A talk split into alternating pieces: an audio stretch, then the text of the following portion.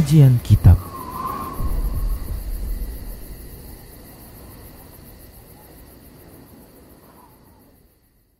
Assalamualaikum warahmatullahi wabarakatuh.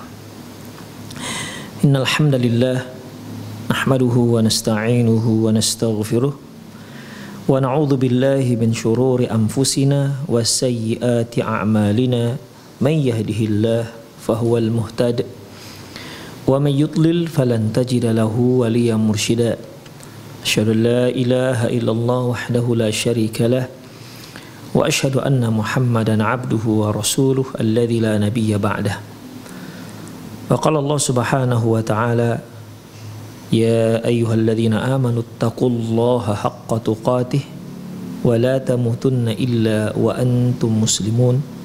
وقال عز من قال يا أيها الذين آمنوا اتقوا الله وقولوا قولا سديدا. يصلح لكم أعمالكم ويغفر لكم ذنوبكم.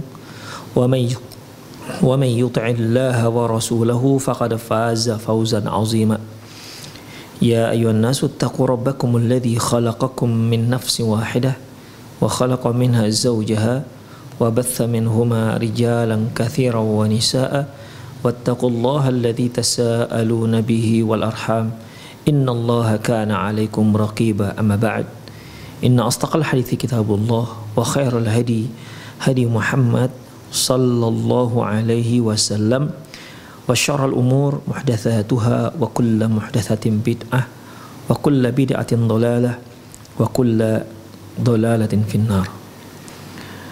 Para pemirsa dimanapun Anda berada, Alhamdulillah Di kesempatan kali ini kita kembali bertemu dalam acara pembahasan tentang perjalanan setelah kematian di mana pembahasan ini kita ambil dari kitab Al-Qiyamatus Sughra.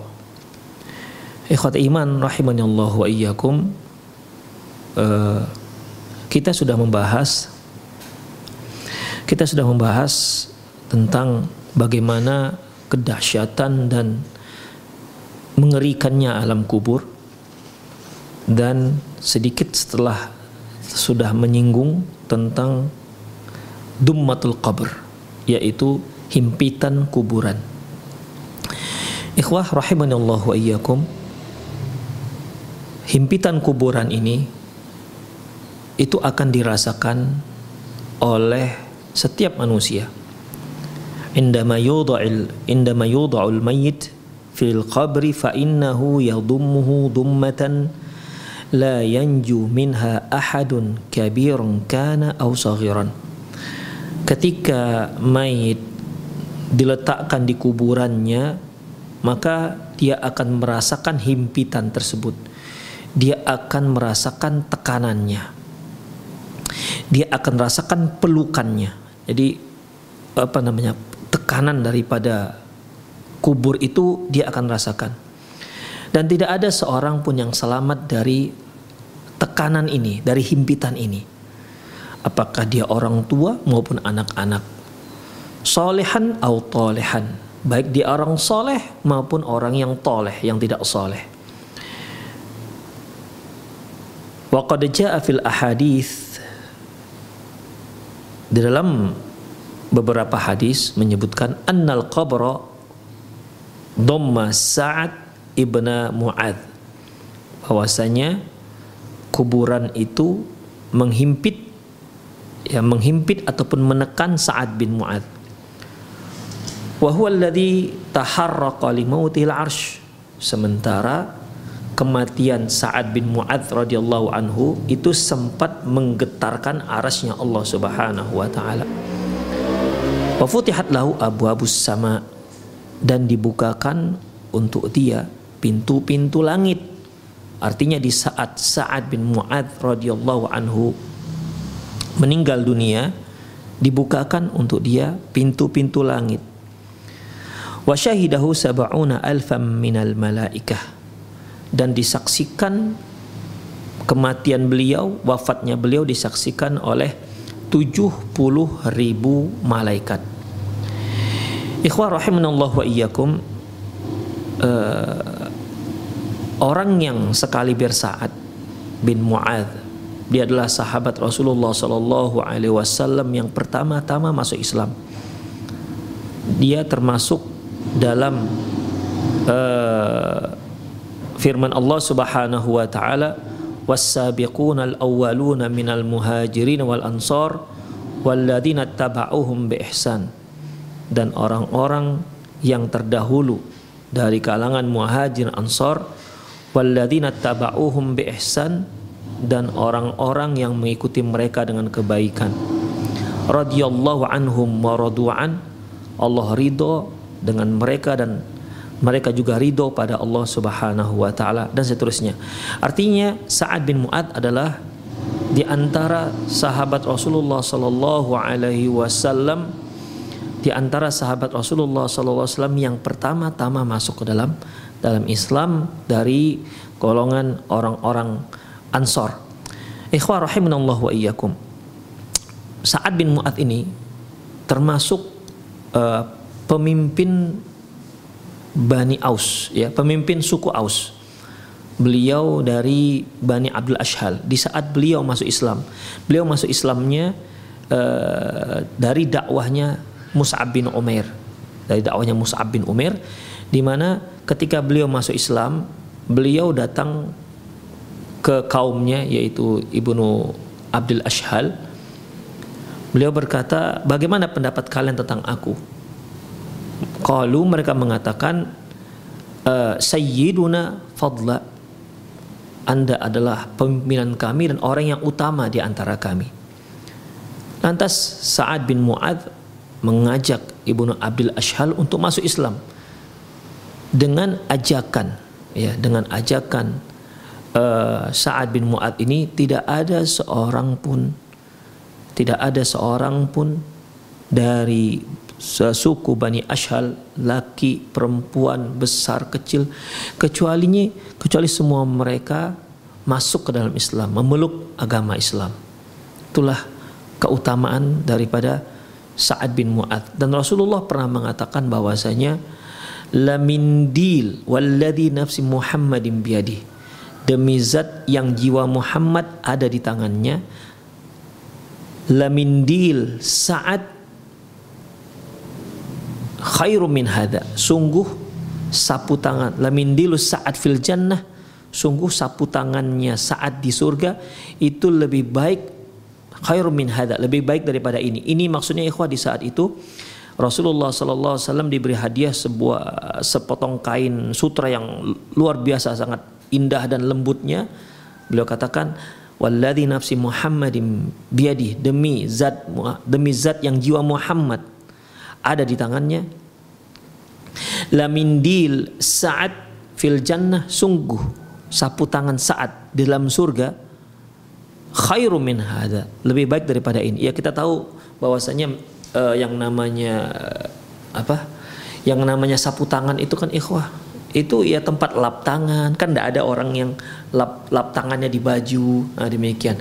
Orang ketika memiliki kain sutra apalagi baju dari sutra itu tidak mungkin dia ngelap tangannya, membersihkan tangannya dengan dilap di di bajunya demikian.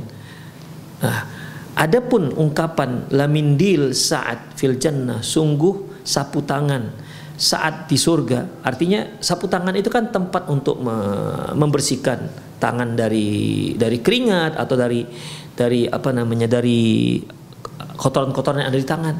Nah, demikian. Itu itu saja jauh lebih baik ketimbang sutra yang dihadiahkan orang kepada Rasulullah Sallallahu Alaihi Wasallam. Itulah keutamaan saat.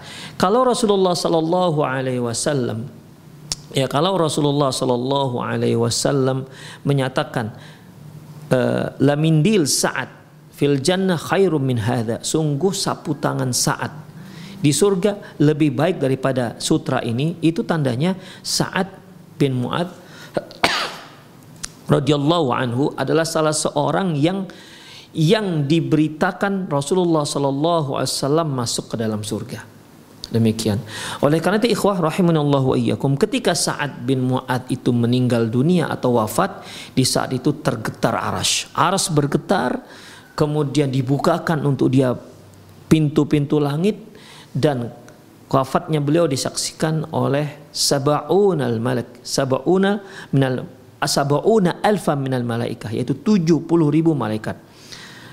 Wa fi sunani an-nasai dalam hadis yang diriwayatkan oleh Imam Nasai an Ibnu Umar radhiyallahu anhu dari Abdullah bin Umar radhiyallahu anhu qala dia berkata qala Rasulullah sallallahu alaihi wasallam Rasulullah sallallahu alaihi wasallam bersabda hadzal ladzi taharraka lahul arsh inilah ya inilah orang yang sempat dikarenakan dia aras bergetar. Wa futihat lahu abwabus sama. Dibukakan untuknya pintu-pintu langit. Wa syahidahu sab'una alfam minal malaikah. Dan dia disaksikan oleh 70 ribu malaikat. Perhatikan ikhwah 70 ribu malaikat kematian Sa'ad bin Mu'ad disaksikan oleh 70 ribu malaikat tidak tanggung-tanggung Ingat bukan 7 ribu tapi 70 ribu malaikat.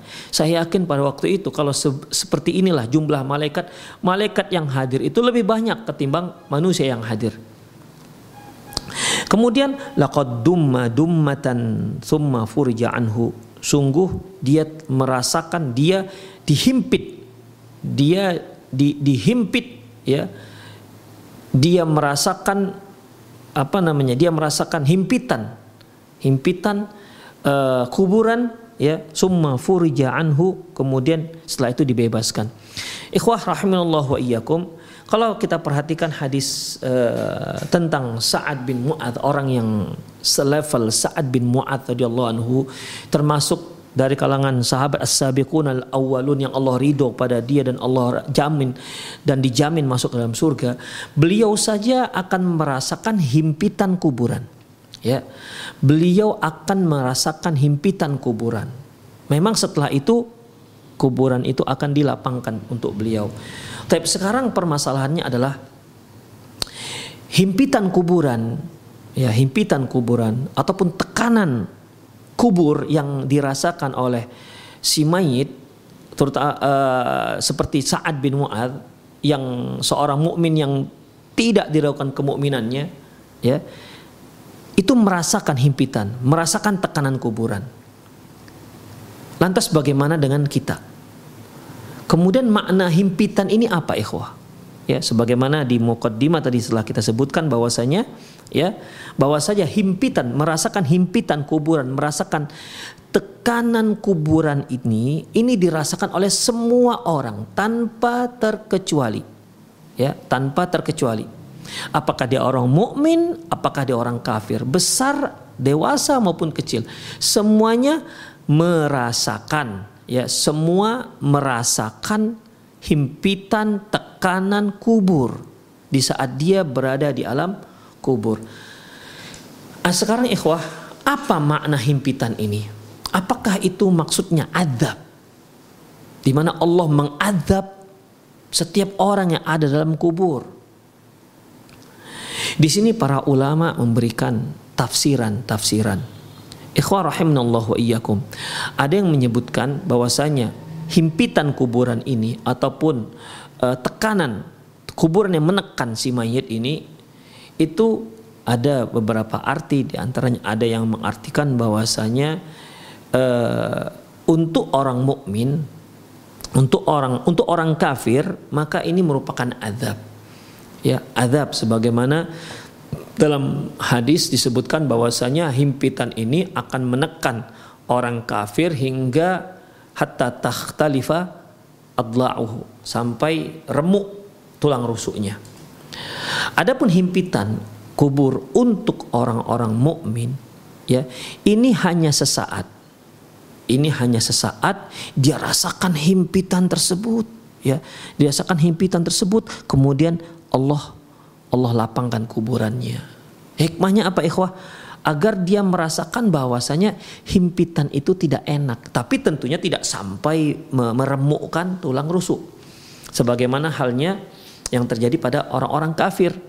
Ya, dia merasakan himpitan, begitulah dia rasakan himpitan sejenak, kemudian Allah Subhanahu wa taala lapangkan ya supaya dia semakin merasakan betapa nikmatnya alam kubur yang diluaskan oleh Allah Subhanahu wa taala dikarenakan amalan soleh yang pernah dia lakukan. Sama seperti ini ikhwah apabila seorang yang berubah hidupnya menjadi kaya raya sementara dia pernah merasakan sakitnya kemiskinan ya tentu dia akan bersyukur kepada Allah Subhanahu wa taala. Kenapa? Dia pernah merasakan sempitnya dia merasakan uh, ketidakenakan kehidupan yang tidak tidak punya merasakan dia sudah merasakan sakitnya hidup miskin. Kemudian Allah berikan dia kemudahan rezeki hingga dia lapang rezekinya. Dengan demikian dia merasakan dia dia dia mensyukuri nikmat tersebut. Demikian. Seorang ikhwah ketika dia ketika dia sehat dia tidak akan merasakan bagaimana uh, nikmatnya sehat kecuali kalau dia pernah merasakan sakit kita misalnya ya ketika hidung kita sehat walafiat, lapang rongganya, bernapas lancar. Mungkin kita tidak begitu merasakan nikmatnya bernafas lancar. Tapi di saat Allah Subhanahu wa taala buat hidung kita mampet. Ya, atau tidak usah dua-dua, satu saja dimampetkan oleh Allah Subhanahu wa taala, yang satu lancar. Kita mulai merasa tidak nyaman bernafas. Kemudian Allah kembalikan uh, nafas kita dengan lancar. Demikian hidung yang tadi mampet Allah bukakan kembali. Tentu kita akan merasakan masya Allah. Ya subhanallah. Ternyata begini enaknya punya hidung yang tidak yang tidak mampet. Demikian ikhwah. Demikian juga Ya demikian juga seorang mukmin ketika Allah himpitkan kuburan itu kemudian Allah lapangkan dia merasakan Betapa dahsyatnya kalau himpitan tersebut akan terus Allah lakukan pada dirinya dan sampai me, me, meremukkan tulang rusuk, tapi tidak. Dia jadi dia semakin merasakan betapa nikmatnya, betapa nikmatnya alam kubur yang diluaskan oleh Allah Subhanahu wa taala. Seperti seorang mukmin apabila dia mendapatkan nikmat kub, nikmat kubur, Allah akan tunjukkan pada dia adab kubur, ya. Allah akan tunjukkan pada dia adab kubur. Ya. Apa kata Allah? Ini tempatmu apabila kamu dahulu semasa di dunia menjadi orang-orang durhaka dan pelaku maksiat. Ini tempatmu. Tapi engkau orang soleh dan Allah gantikan tempat ini dengan surga. Jadi dia merasa ya Allah luar biasa nikmat. Betapa mengerikan apa namanya pemandangan neraka kemudian Allah tukar dengan dengan pemandangan surga. Wah, luar biasa ikhwah. Rahimanallah wa iyyakum. Ya kita saja ikhwah ketika kita merasakan panas, ya kita merasakan panas terik, kemudian kita masuk di tempat yang dingin, kita merasakan nikmatnya luar biasa. Ya. Demikian juga ketika Allah Subhanahu wa taala akan menghinakan orang-orang kafir agar agar dia merasakan lebih pedihnya azab, Allah nampakkan untuk dia surga. Kata Allah, inilah tempatmu apabila engkau berbuat soleh tapi engkau orang durhaka engkau orang kafir maka kami gantikan surga dengan dengan neraka ini. Demikian ikhwah. Itu pen, itu pendapat yang pertama. Pendapat yang kedua uh, yang dikatakan himpitan ini ikhwah ya himpitan ini himpitan untuk orang-orang mukmin yaitu dia merasakan sakit seperti sakitnya orang yang sakit ya. Kemudian sakitnya orang yang kehilangan anaknya sakit orang seorang ketika dia apa namanya terpisah dari uh, terpisah roh dengan jasadnya sakit yang dia rasakan ketika dia berada di di alam mahsyar dan seterusnya. Tapi itu bukan bukan sebuah sebuah azab. Demikian. Ada juga pendapat yang lain ikhwah bahwasanya yang namanya himpitan kuburan ini ini yaitu uh, himpitan rahmat himpitan kasih sayang. Ini sebagaimana yang dikatakan oleh Syekh Muhammad bin Shalih Al-Utsaimin. Beliau mengatakan ya bahwasanya himpitan himpitan uh, bumi, himpitan kuburan terhadap orang mukmin itu yaitu itu bagaikan pelukan seorang ibu. Ya, bagaikan pelukan seorang ibu. Seorang ibu di mana sudah lama tidak bertemu dengan anaknya, kemudian bertemu maka si ibu akan memeluk anaknya ya tentu bagaimanapun akan ada rasa uh, sesak begitu kan tapi dia merasakan ini sayang. Ini merupakan kasih sayang dari dari ibunya. Demikian. Seperti kita ikhwah, kalau kita berpelukan dengan teman kita sudah lama tak ketemu, kita berpelukan ada rasa uh, ada rasa sesak begitu kan sedikit. Tapi kan lebih rahmahnya itu yaitu kasih sayangnya itu lebih lebih kuat kita rasa. Demikian hal juga dengan dengan seorang mukmin yang sedang dihimpit oleh kuburannya. Artinya dia seolah sedang dipeluk oleh ibunya. Ya, sedang dipeluk oleh ibunya. Jadi himpitan itu merupakan himpitan kasih sayang Allah Subhanahu wa taala terhadap orang mukmin. Makanya ikhwah azanallahu wa iyyakum uh, ada juga yang mengartikan seperti ini dengan alasan bahwasanya manusia itu diciptakan dari tanah. Ya. Manusia diciptakan dari tanah dan dia akan kembali kepada tanah. Taib. Ketika dia kembali kepada tanah, ya, ke tanah yaitu dikuburkan, dia seolah seperti kembali ke ibunya. Seolah kembali kepada kepada ibunya. Demikian. Jadi seorang yang kembali kepada ibunya tergantung bagaimana tingkah laku dia ketika dia berada di dunia. Kalau dia seorang yang mukmin, ya seorang anak yang soleh, anak yang solehah, patuh kepada ibunya yang sudah lama nggak ketemu, ketemu ketemu ibunya, ketemu dengan rasa rindu, tentu dia akan di, dihimpit, dia akan dipeluk oleh ibunya dengan kasih sayang. Tapi ketika si anak ini benar-benar durhaka kepada pada ibunya, dia akan dipeluk ibunya itu sebagai tanda marahnya ibunya terhadap dirinya. Demikian ikhwah. Ya semakin dahsyat semakin banyak dosa yang dia lakukan maka semakin kuat pelukan tersebut. Dan ini merupakan adab. Beda dengan orang orang mukmin. Demikian ikhwah. Rahimani Allahu wa iyyakum. Jadi pelukan uh, himpitan bumi, himpitan kuburan bagi seorang mukmin itu ibaratnya seperti ibunya. Seperti ibu yang sudah yang merindukan dirinya, dia pun dihimpit bagaikan pelukan seorang ibu. Demikian ikhwah rahimanallah wa iyyakum. Ada juga yang mengkaitkan dengan ini ikhwah, mengkaitkan dengan firman Allah Subhanahu wa taala, "Alam naj'alil ardo kifata ahya wa amwata." Bukankah kami telah menjadikan bumi itu kifatan, ahya wa amwata. Kifatan ini artinya tempat berkumpul dan tempat naungan. Ya, tempat naungan. Tempat berkumpul, tempat naungan, ya tempat orang itu di apa namanya di di di, di diselubungin begitulah kira-kira ya dia dilindungi demikian ikhwah rahimanallah wa iyyakum uh, ketika uh, seorang alim uh, yang masyhur yaitu Asy-Sya'bi rahimahullah ketika dia melintas di kuburan dia melihat ke kuburan dia mengatakan bahwasanya kuburan ini adalah hadza kifatul amwat. Ini adalah tempat pelukannya ataupun eh, perlindungannya uh, orang mati. Kemudian dia melihat ke ke rumah ya dia melihat ke rumah wahada kifatul ahya. Ini adalah tempat perlindungannya ya tempat berkumpulnya tempat bernaungnya orang yang yang masih hidup. Nah, demikian. Ya ikhwah rahimanallah wa iyyakum. Taib.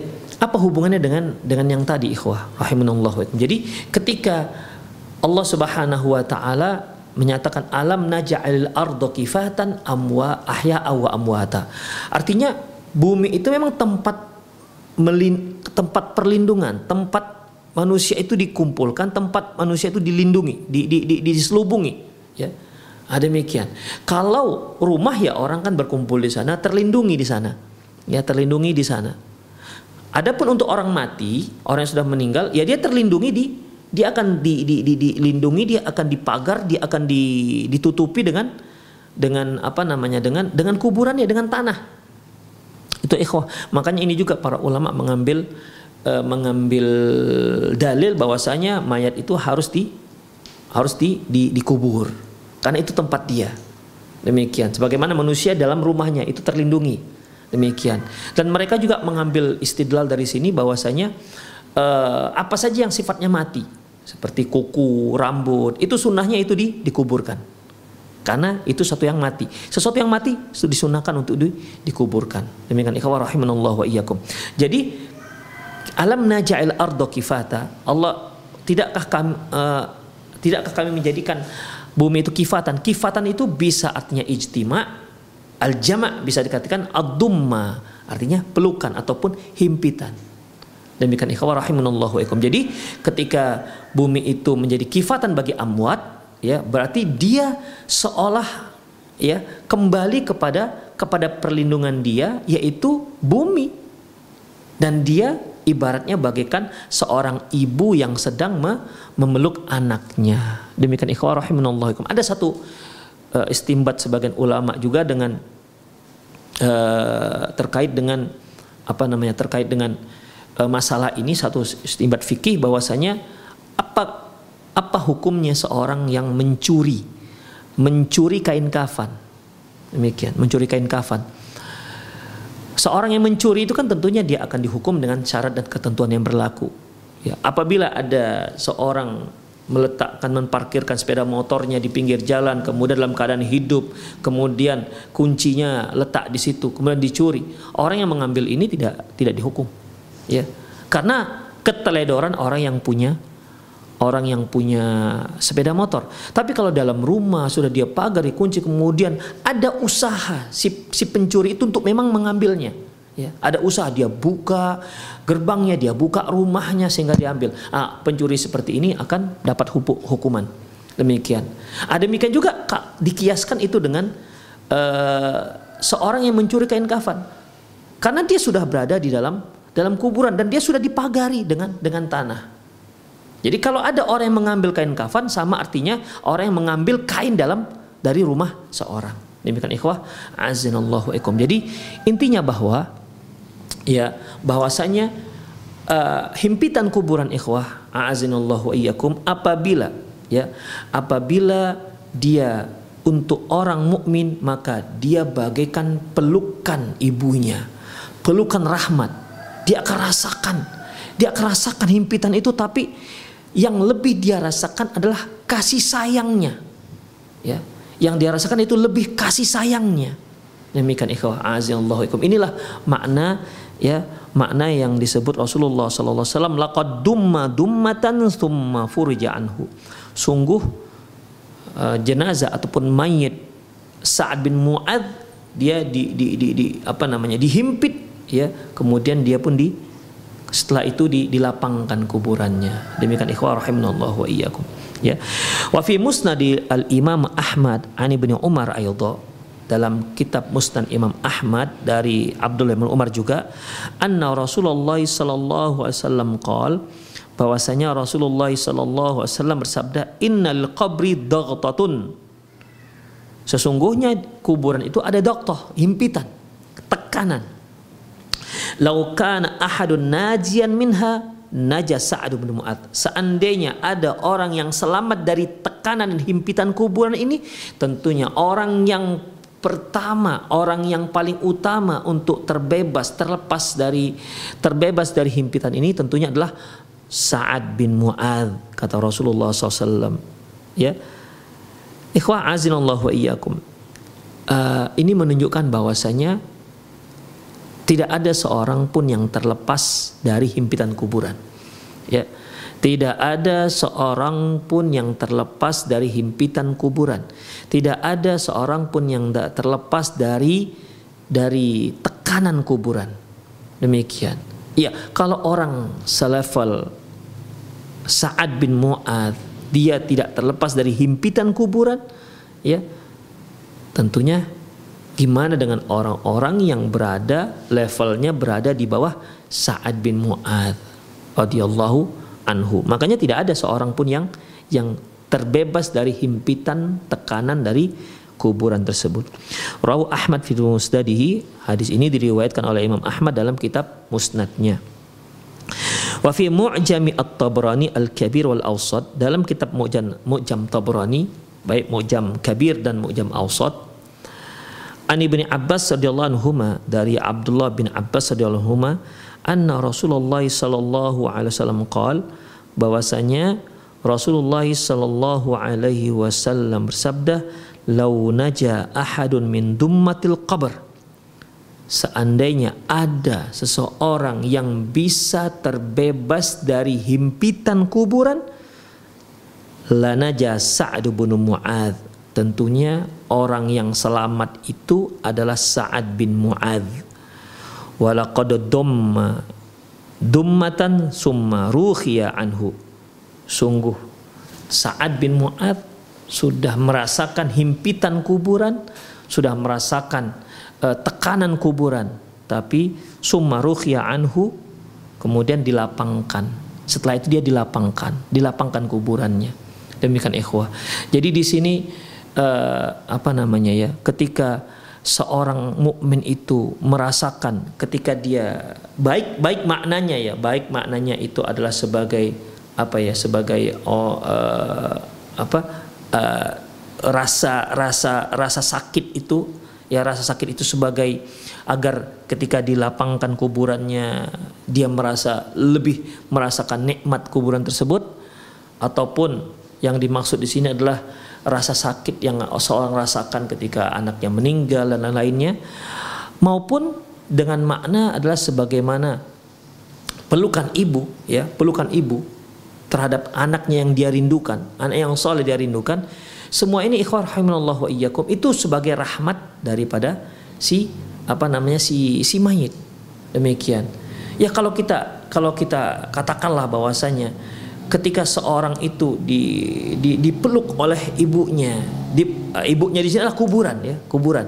Kuburannya dipeluk oleh oleh ibunya itu kuburan.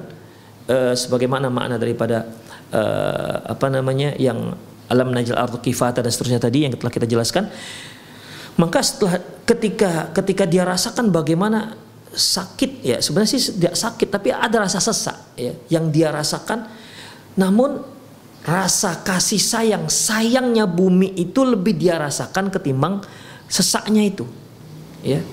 Kemudian dilapangkanlah ya dilapangkanlah kuburannya dengan seluas seluas mata memandang sebagaimana yang nanti akan kita pelajari bahwasanya untuk seorang mukmin nanti akan diluaskan uh, kuburannya ya. Akan dilapangkan kuburannya itu seluas mata memandang akan diluaskan kuburannya seluas-luasnya. Jadi baik ketika dia dihimpit, dia rasakan rahmat itu, dia rasakan kasih sayang bumi itu, maupun setelah dia me, me, melihat Allah Subhanahu wa taala lapangkan kuburannya. Jadi semuanya sebenarnya adalah nikmat yang Allah Subhanahu wa taala berikan kepada seorang yang mukmin, seorang yang yang soleh. Namun ingat ikhwah, tidak ada seorang pun yang terbebas dari himpitan kuburan. Hanya saja himpitannya, tekanan kuburan itu berbeda-beda sesuai dengan apa yang dilakukan, amalan yang dilakukan oleh seorang hamba di di atas bumi. Ya. Apabila dia seorang yang mukmin, seorang yang soleh, maka himpitan ini adalah himpitan rahmat, himpitan kasih sayang bagi seorang mukmin. Apabila dia seorang mukmin yang turhaka, maka dia akan rasakan, dia akan rasakan uh, uh, siksaan tersebut.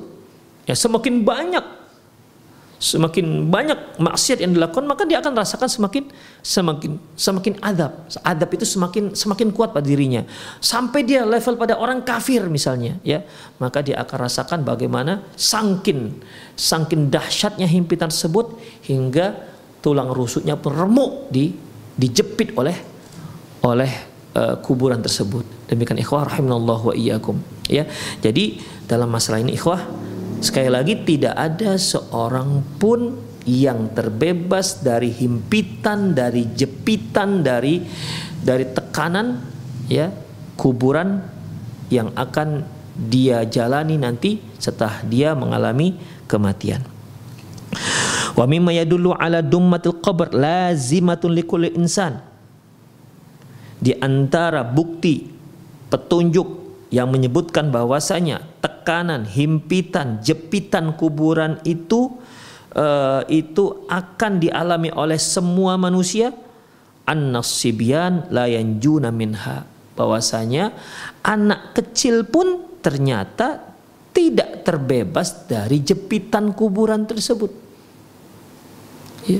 Kita ketahui bahwasanya anak kecil ini kan tak berdosa Yang dikatakan sibian itu yaitu mereka yang belum balik.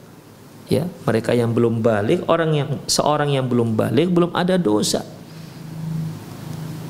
Sebagaimana sabda Rasulullah SAW, rufi al al qalam, diangkat pena, anis sibian hatta yahtalim dari seorang anak sampai dia sampai dia ihtilam sampai dia balik kalau dia laki-laki sampai dia mimpi basah, kalau dia perempuan sampai dia haid. Nah, sejak dia mimpi basah, sejak dia haid atau sejak dia balik maka mulailah kolam ataupun catatan amalan buruknya ditulis oleh Allah Subhanahu wa taala satu persatu. Di mana sebelumnya dia dianggap tidak berdosa. Demikian. Tapi untuk seorang anak yang tidak berdosa Ya, makanya Aisyah radhiyallahu juga pernah Aisyah radhiyallahu anha juga pernah mengatakan terhadap anak yang meninggal dunia masih kecil ya, beliau mengatakan tuba sungguh bahagia dia karena dia usfur min asafiril jannah. Dia termasuk burung-burung yang nanti akan berterbangan di di dalam surga. Itu anak kecil. Namun begitu pun ikhwah ternyata anak kecil juga tidak terbebas dari jepitan jepitan alam kuburnya, jepitan kuburannya. Wa fi Mu'jam at-Tabrani al-Kabir. Dalam kitab Mu'jam at-Tabrani al-Kabir an Abi Ayyub al-Ansari. Dari Abi Ayyub al-Ansari radhiyallahu anhu bi isnadin sahihin dengan sanad yang sahih wa huwa fi Mu'jam al-Awsat yaitu dalam kitab Mu'jam al-Awsat. Wa fil Kamili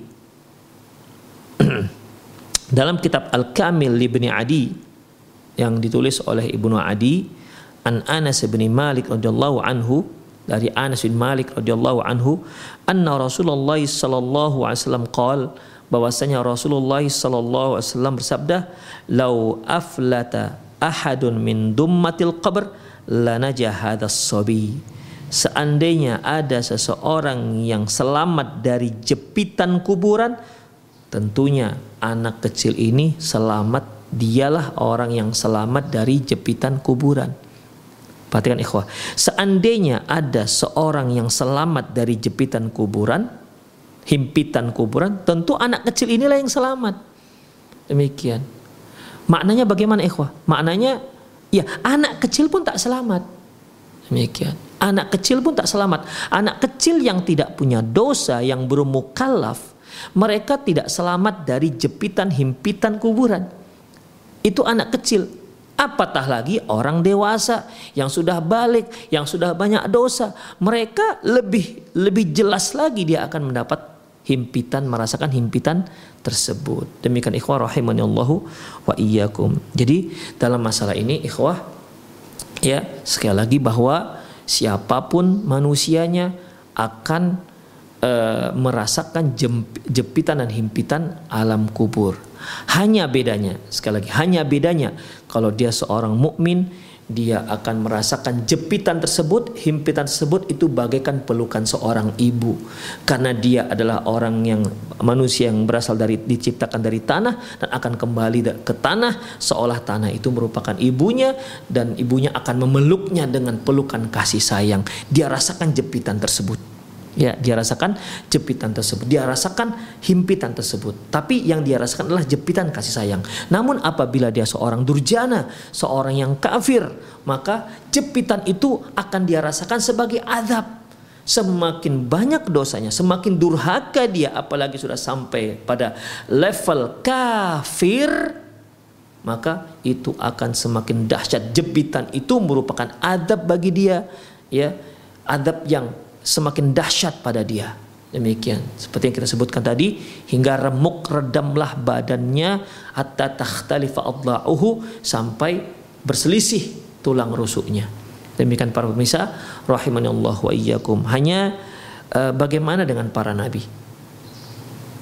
Ya.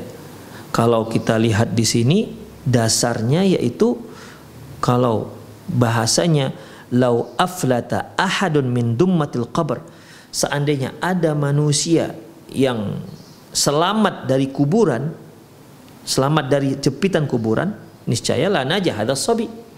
Tentunya yang selamat adalah anak ini akan selamat. ya. Kemudian Rasulullah juga menyebutkan di atas sesungguhnya innal qabr. Sesungguhnya kuburan itu ada tekanan jepitan. Laukana ahadun najian minha Najah Sa'ad bin Mu'ad seandainya ada orang yang selamat dari jepitan kuburan tentu Sa'ad bin Mu'ad orang yang selamat dari jepitan tersebut. Nah, sekarang masalahnya bagaimana dengan para nabi dan rasul? Ikhwah azallahu iyyakum tentunya level nabi dan rasul itu tidak sama dengan levelnya Sa'ad bin Mu'ad. Tidak sama dengan levelnya anak-anak ya. Anak-anak itu dia tak berdosa dan dia belum dapat cobaan.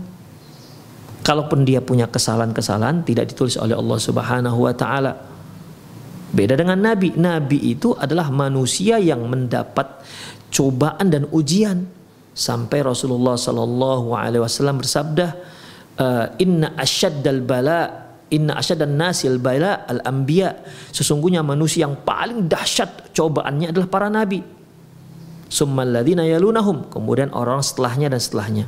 Itu para nabi.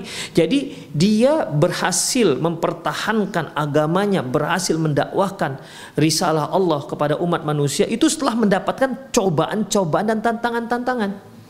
Ya beda dengan anak-anak. Demikian ikhwah. Ya seorang yang yang telah mendapatkan ujian tantangan yang dahsyat kemudian berhasil melewati itu tantangan tersebut tentunya beda dengan seorang yang belum mendapatkan tantangan.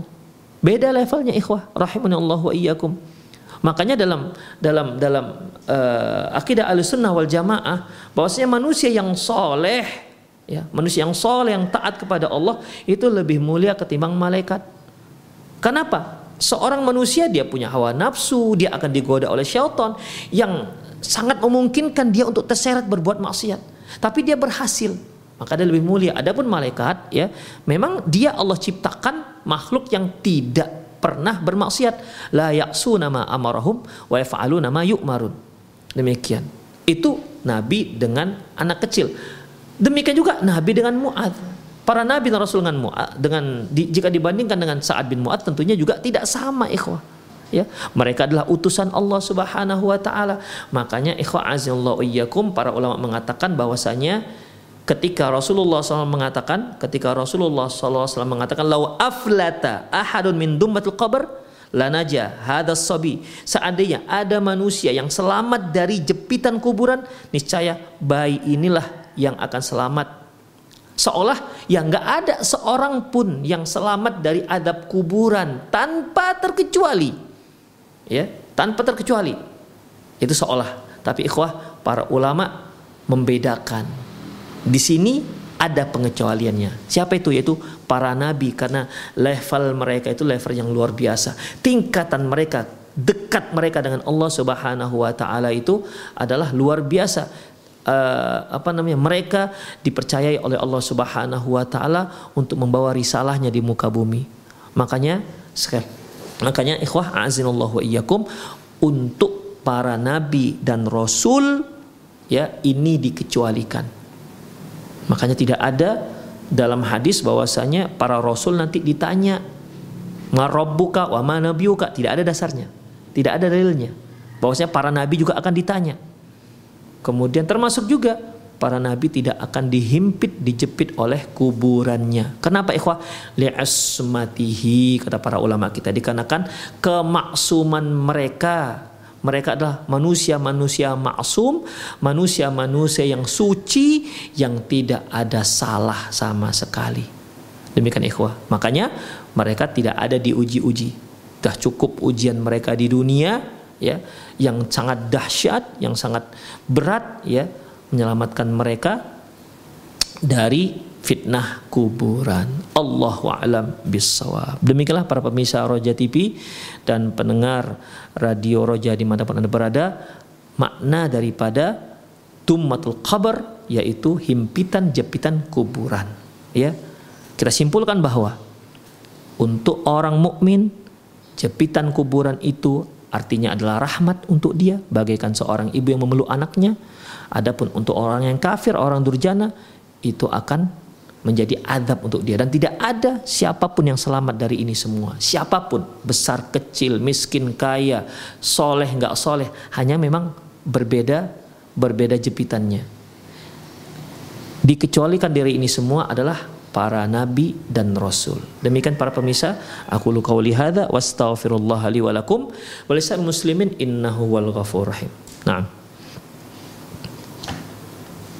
Imam Ustaz, jazakallah khairan Ustaz. Barakallahu fik atas materi yang penuh dengan faidah yang telah antum sampaikan ini Ustaz dalam pembahasan Al-Qiyamatus Sugra dan ikhwatal Islam azan yallahu ayyakum. Untuk berikutnya kami membuka sesi interaktif soal jawab.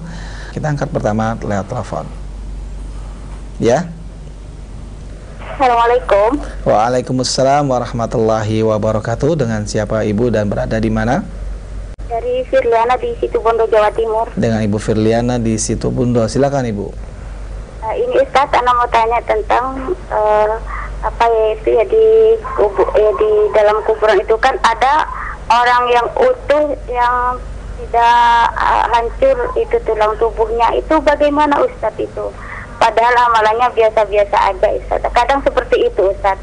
Apakah kalau dihimpit ini apa nanti dilepas dilonggarkan kembali Ustadz yang kedua itu Ustadz mohon penjelasan syukran. Jasa kawairon Assalamualaikum warahmatullahi wabarakatuh. Waalaikumsalam warahmatullahi wabarakatuh. Afwan wajazakallah khairan. Dan kepada Ustadz kami persilakan. Barakallahu fiqh para ibu yang menanya uh, ikhwah ra'azi Allah wa iyyakum. Ternyata di di kenyataannya ada kuburan yang tersingkap, ternyata mayatnya masih utuh dan seterusnya. Ada yang tersingkap, kemudian ada muncul bau wangi ya, aroma wangi. Ada yang dan lain-lainnya ikhwah yang mungkin kita dapati itu merupakan eh, apa namanya? satu hal yang baik. Tapi perlu kita perhatikan ikhwah, dalam masalah ini alam barzakh ya adalah alam gaib. Kita tidak bisa menilai sesuatu kecuali jika memang ada dasarnya. Jika memang ada dasarnya. Atau kita tidak bisa menetapkan ini adalah memastikan seorang itu penduduk surga atau penduduk neraka kecuali ada dasarnya yang bisa kita pastikan penduduk surga adalah orang-orang yang disebut Rasulullah Sallallahu Alaihi Wasallam masuk ke dalam surga. Para sahabat beliau, khulafaur rasyidin, ya. Adapun adapun orang-orang yang apa namanya? Orang-orang yang eh, adapun orang-orang yang yang tidak ada penyebutan bahwasanya dia dia pasti masuk surga. Ya maka kita hanya bisa berharap. Ya terkadang kan ada kita baca di media sosial bahwasanya orang ini kok utuh, ya, kok utuh. Bahkan keluar aroma wangi misalnya. Apakah nggak dijepit dia? Apakah dia nggak disiksa? Kita Allahu alam bisawab. Ikhwan azallahu perhatikan. Jasad ya, jasad yang kita kuburkan Ya, apakah itu juga jasadnya yang nanti disuruh oleh malaikat duduk di kuburan, kemudian ditanya dan diadab, apakah itu dia jasadnya? Ini sudah kita pelajari bahwasanya ketika masuk seorang di alam barzah, kita Allah wa alam. Ya, apakah bagaimana kok jasad ini? Jasad ini apa? Kan dikembalikan tuh rohnya, dikembalikan rohnya ke jasad. Dalam hadis ya, nanti akan kita sebutkan, akan kita pelajari di mana Ruh ini akan dikembalikan ke jasadnya. Kemudian datanglah malaikat nungkar nangkir azrokan ya ya yang warnanya kebiru-biruan dan seterusnya. Kemudian faajlasa faajlasahu. Kemudian dua malaikat ini menyuruhnya duduk. Mendudukkan dia. Kalau kita pikir-pikir ini jasad dalam liang lahat. Gak akan ada tempat yang tidak ada ruangan membuat dia bisa duduk. Sementara itu hadis menunjukkan ya baik orang kafir maupun orang mukmin ya dia didudukkan oleh oleh malaikat. Nah, kalau kita pikir-pikir di mana tempat apakah ada ruangan duduknya? Makanya ikhwah azallahu iyyakum ketika kita sudah bicara masalah alam barzakh ya ya alam barzakh ini alam gaib banyak hal-hal yang sebenarnya di luar nalar kita. Tapi ingat bukan nggak masuk akal saat ini mungkin kita katakan kita di luar akal kita. Karena apa? Kita belum kita belum mengalaminya. Jangankan alam barzakh ikhwah. Di alam dunia ini saja banyak hal-hal yang nggak masuk nalar kita, tapi sebenarnya setelah kita mengalaminya baru masuk akal kita. Demikian ikhwah azallahu iyyakum. Ya, seperti misalnya anak TK. Anak TK itu kan masih belajar satu tambah satu Demikian. Tapi kalau kita kasih soal matematika b kuadrat tambah c kuadrat, kemudian diintegral, kemudian dan lain-lain, kemudian dikalikan sinus, kosinus, tangen, kotangin, ya demikian.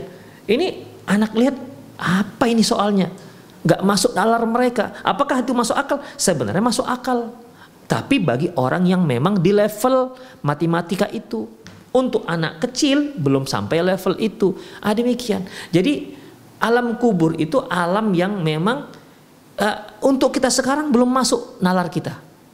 Tapi apakah itu mustahil? Enggak mustahil. Karena Pak kita belum mengalaminya saja. Demikian. Ya, jadi tidak bisa kita kiaskan kondisi orang yang diremuk di dunia seperti orang yang diremuk di di alam barzakhnya. Kalau kita remuk dunia, siapa pun melihat, terlihat dia remuk kan begitu. Misalnya kalau seorang yang uh, mati tertimpa pohon, remuklah dia, kepalanya remuk. Nampak semua orang akan mengatakan dia remuk. Tapi untuk alam barzakh, ya, untuk alam barzakh, apakah remuk seperti itu? Misalnya ini ada orang kafir yang benar-benar durjana. Gak usah jauh-jauh Fir'aun. Ya, remuk gak sekarang badannya jasadnya? Gak remuk.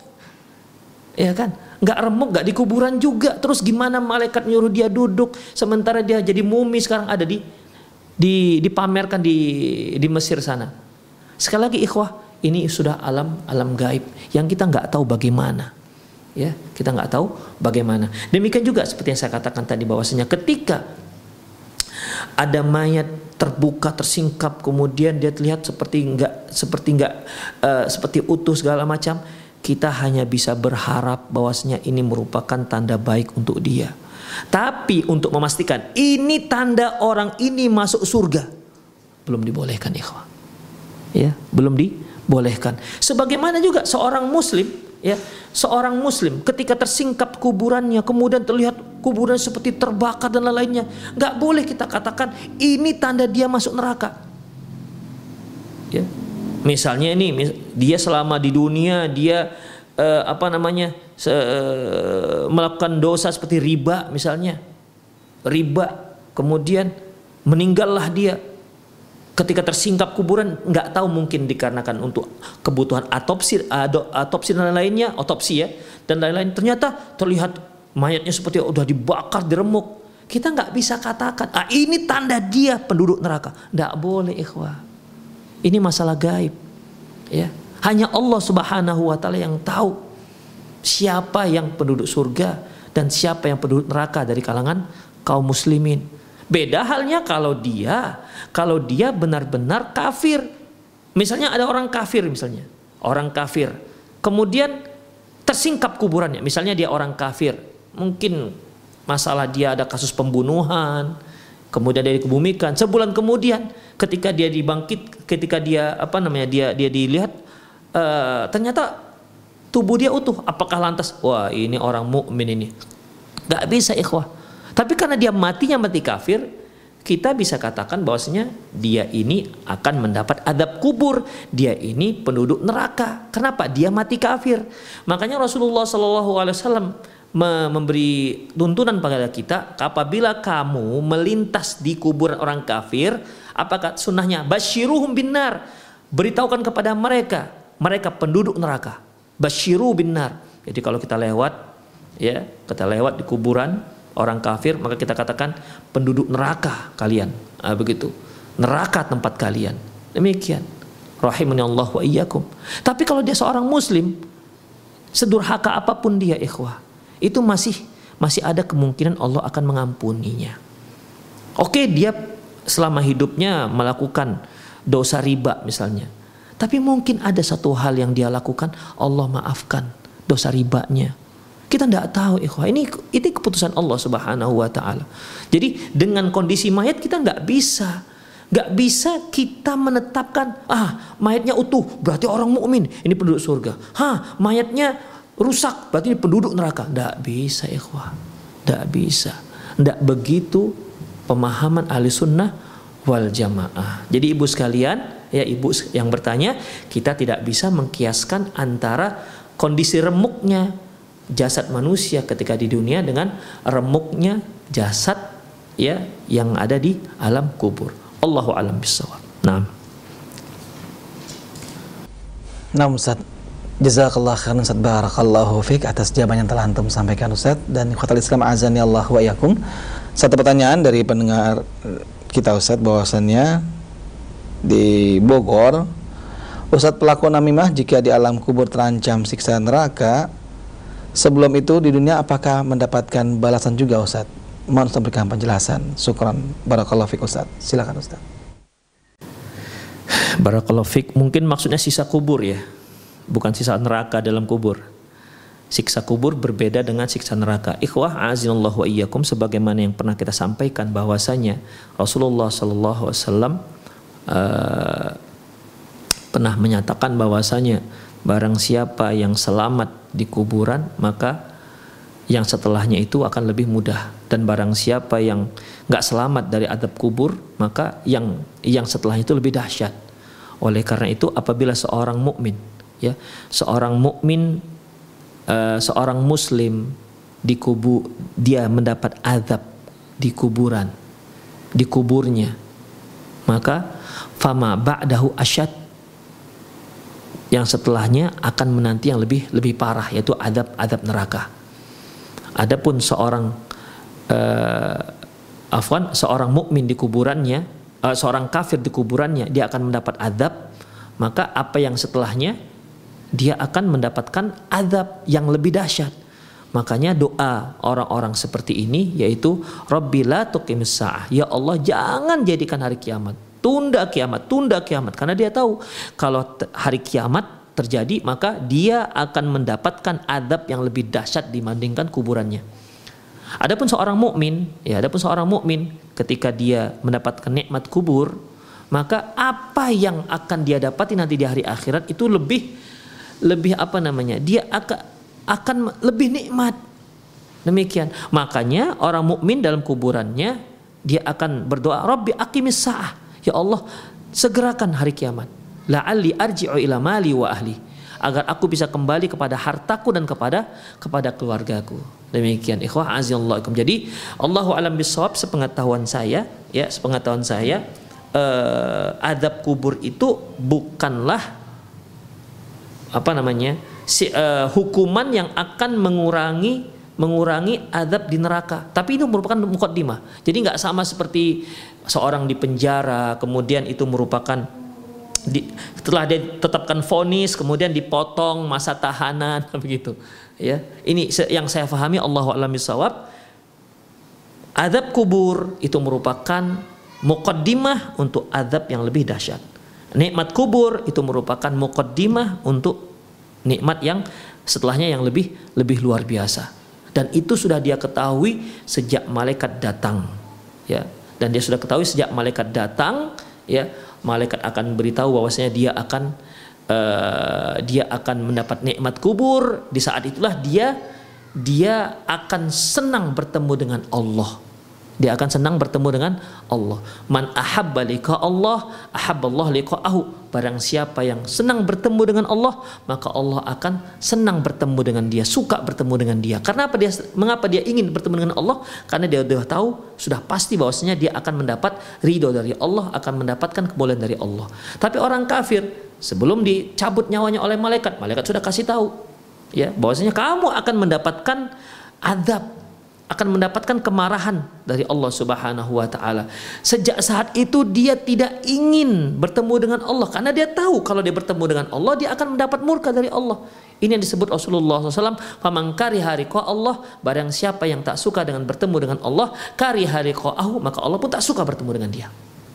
Demikian ikhwah, rahimahullahu wa iyyakum. Jadi ketika itu sudah mulailah ya adab demi adab akan dia rasakan dan itu merupakan muqaddimah ya mukaddimah begitu dia mendapatkan uh, berita dia akan mendapatkan kemurkan Allah itu saya sudah dia rasakan sakit belum lagi ketika ditarik nyawanya itu sudah dia rasakan sakit belum lagi ketika dia masuk ke kuburan alam kuburnya akan dia adab belum lagi dia akan mendapatkan di uh, azab tersebut di neraka neraka jahanam. Demikian ikhwah. Jadi sekali lagi ini merupakan mukaddimah, merupakan rentetan daripada rentetan daripada siksaan yang Allah Subhanahu wa taala tetapkan untuk dia. Semoga Allah Subhanahu wa taala melindungi kita dari semua azab dan rentetan azab yang Allah Subhanahu wa taala siapkan untuk orang kafir. Sekali lagi semoga Allah melindungi kita dari semua azab ini. Demikian Allahu alam bisawab. Lebih dan kurang mohon maaf. Aku lu qauli hadza wa astaghfirullah li wa lakum wa lisal muslimin innahu wal ghafur rahim. Subhanakallahumma wa bihamdik asyhadu an la ilaha illa ant astaghfiruka wa atubu ilaih. Wa sallallahu ala nabiyyina Muhammad wa ala alihi wa ashabi ajma'in. Wa akhiru da'wana alhamdulillahirabbil alamin. Assalamualaikum warahmatullahi wabarakatuh.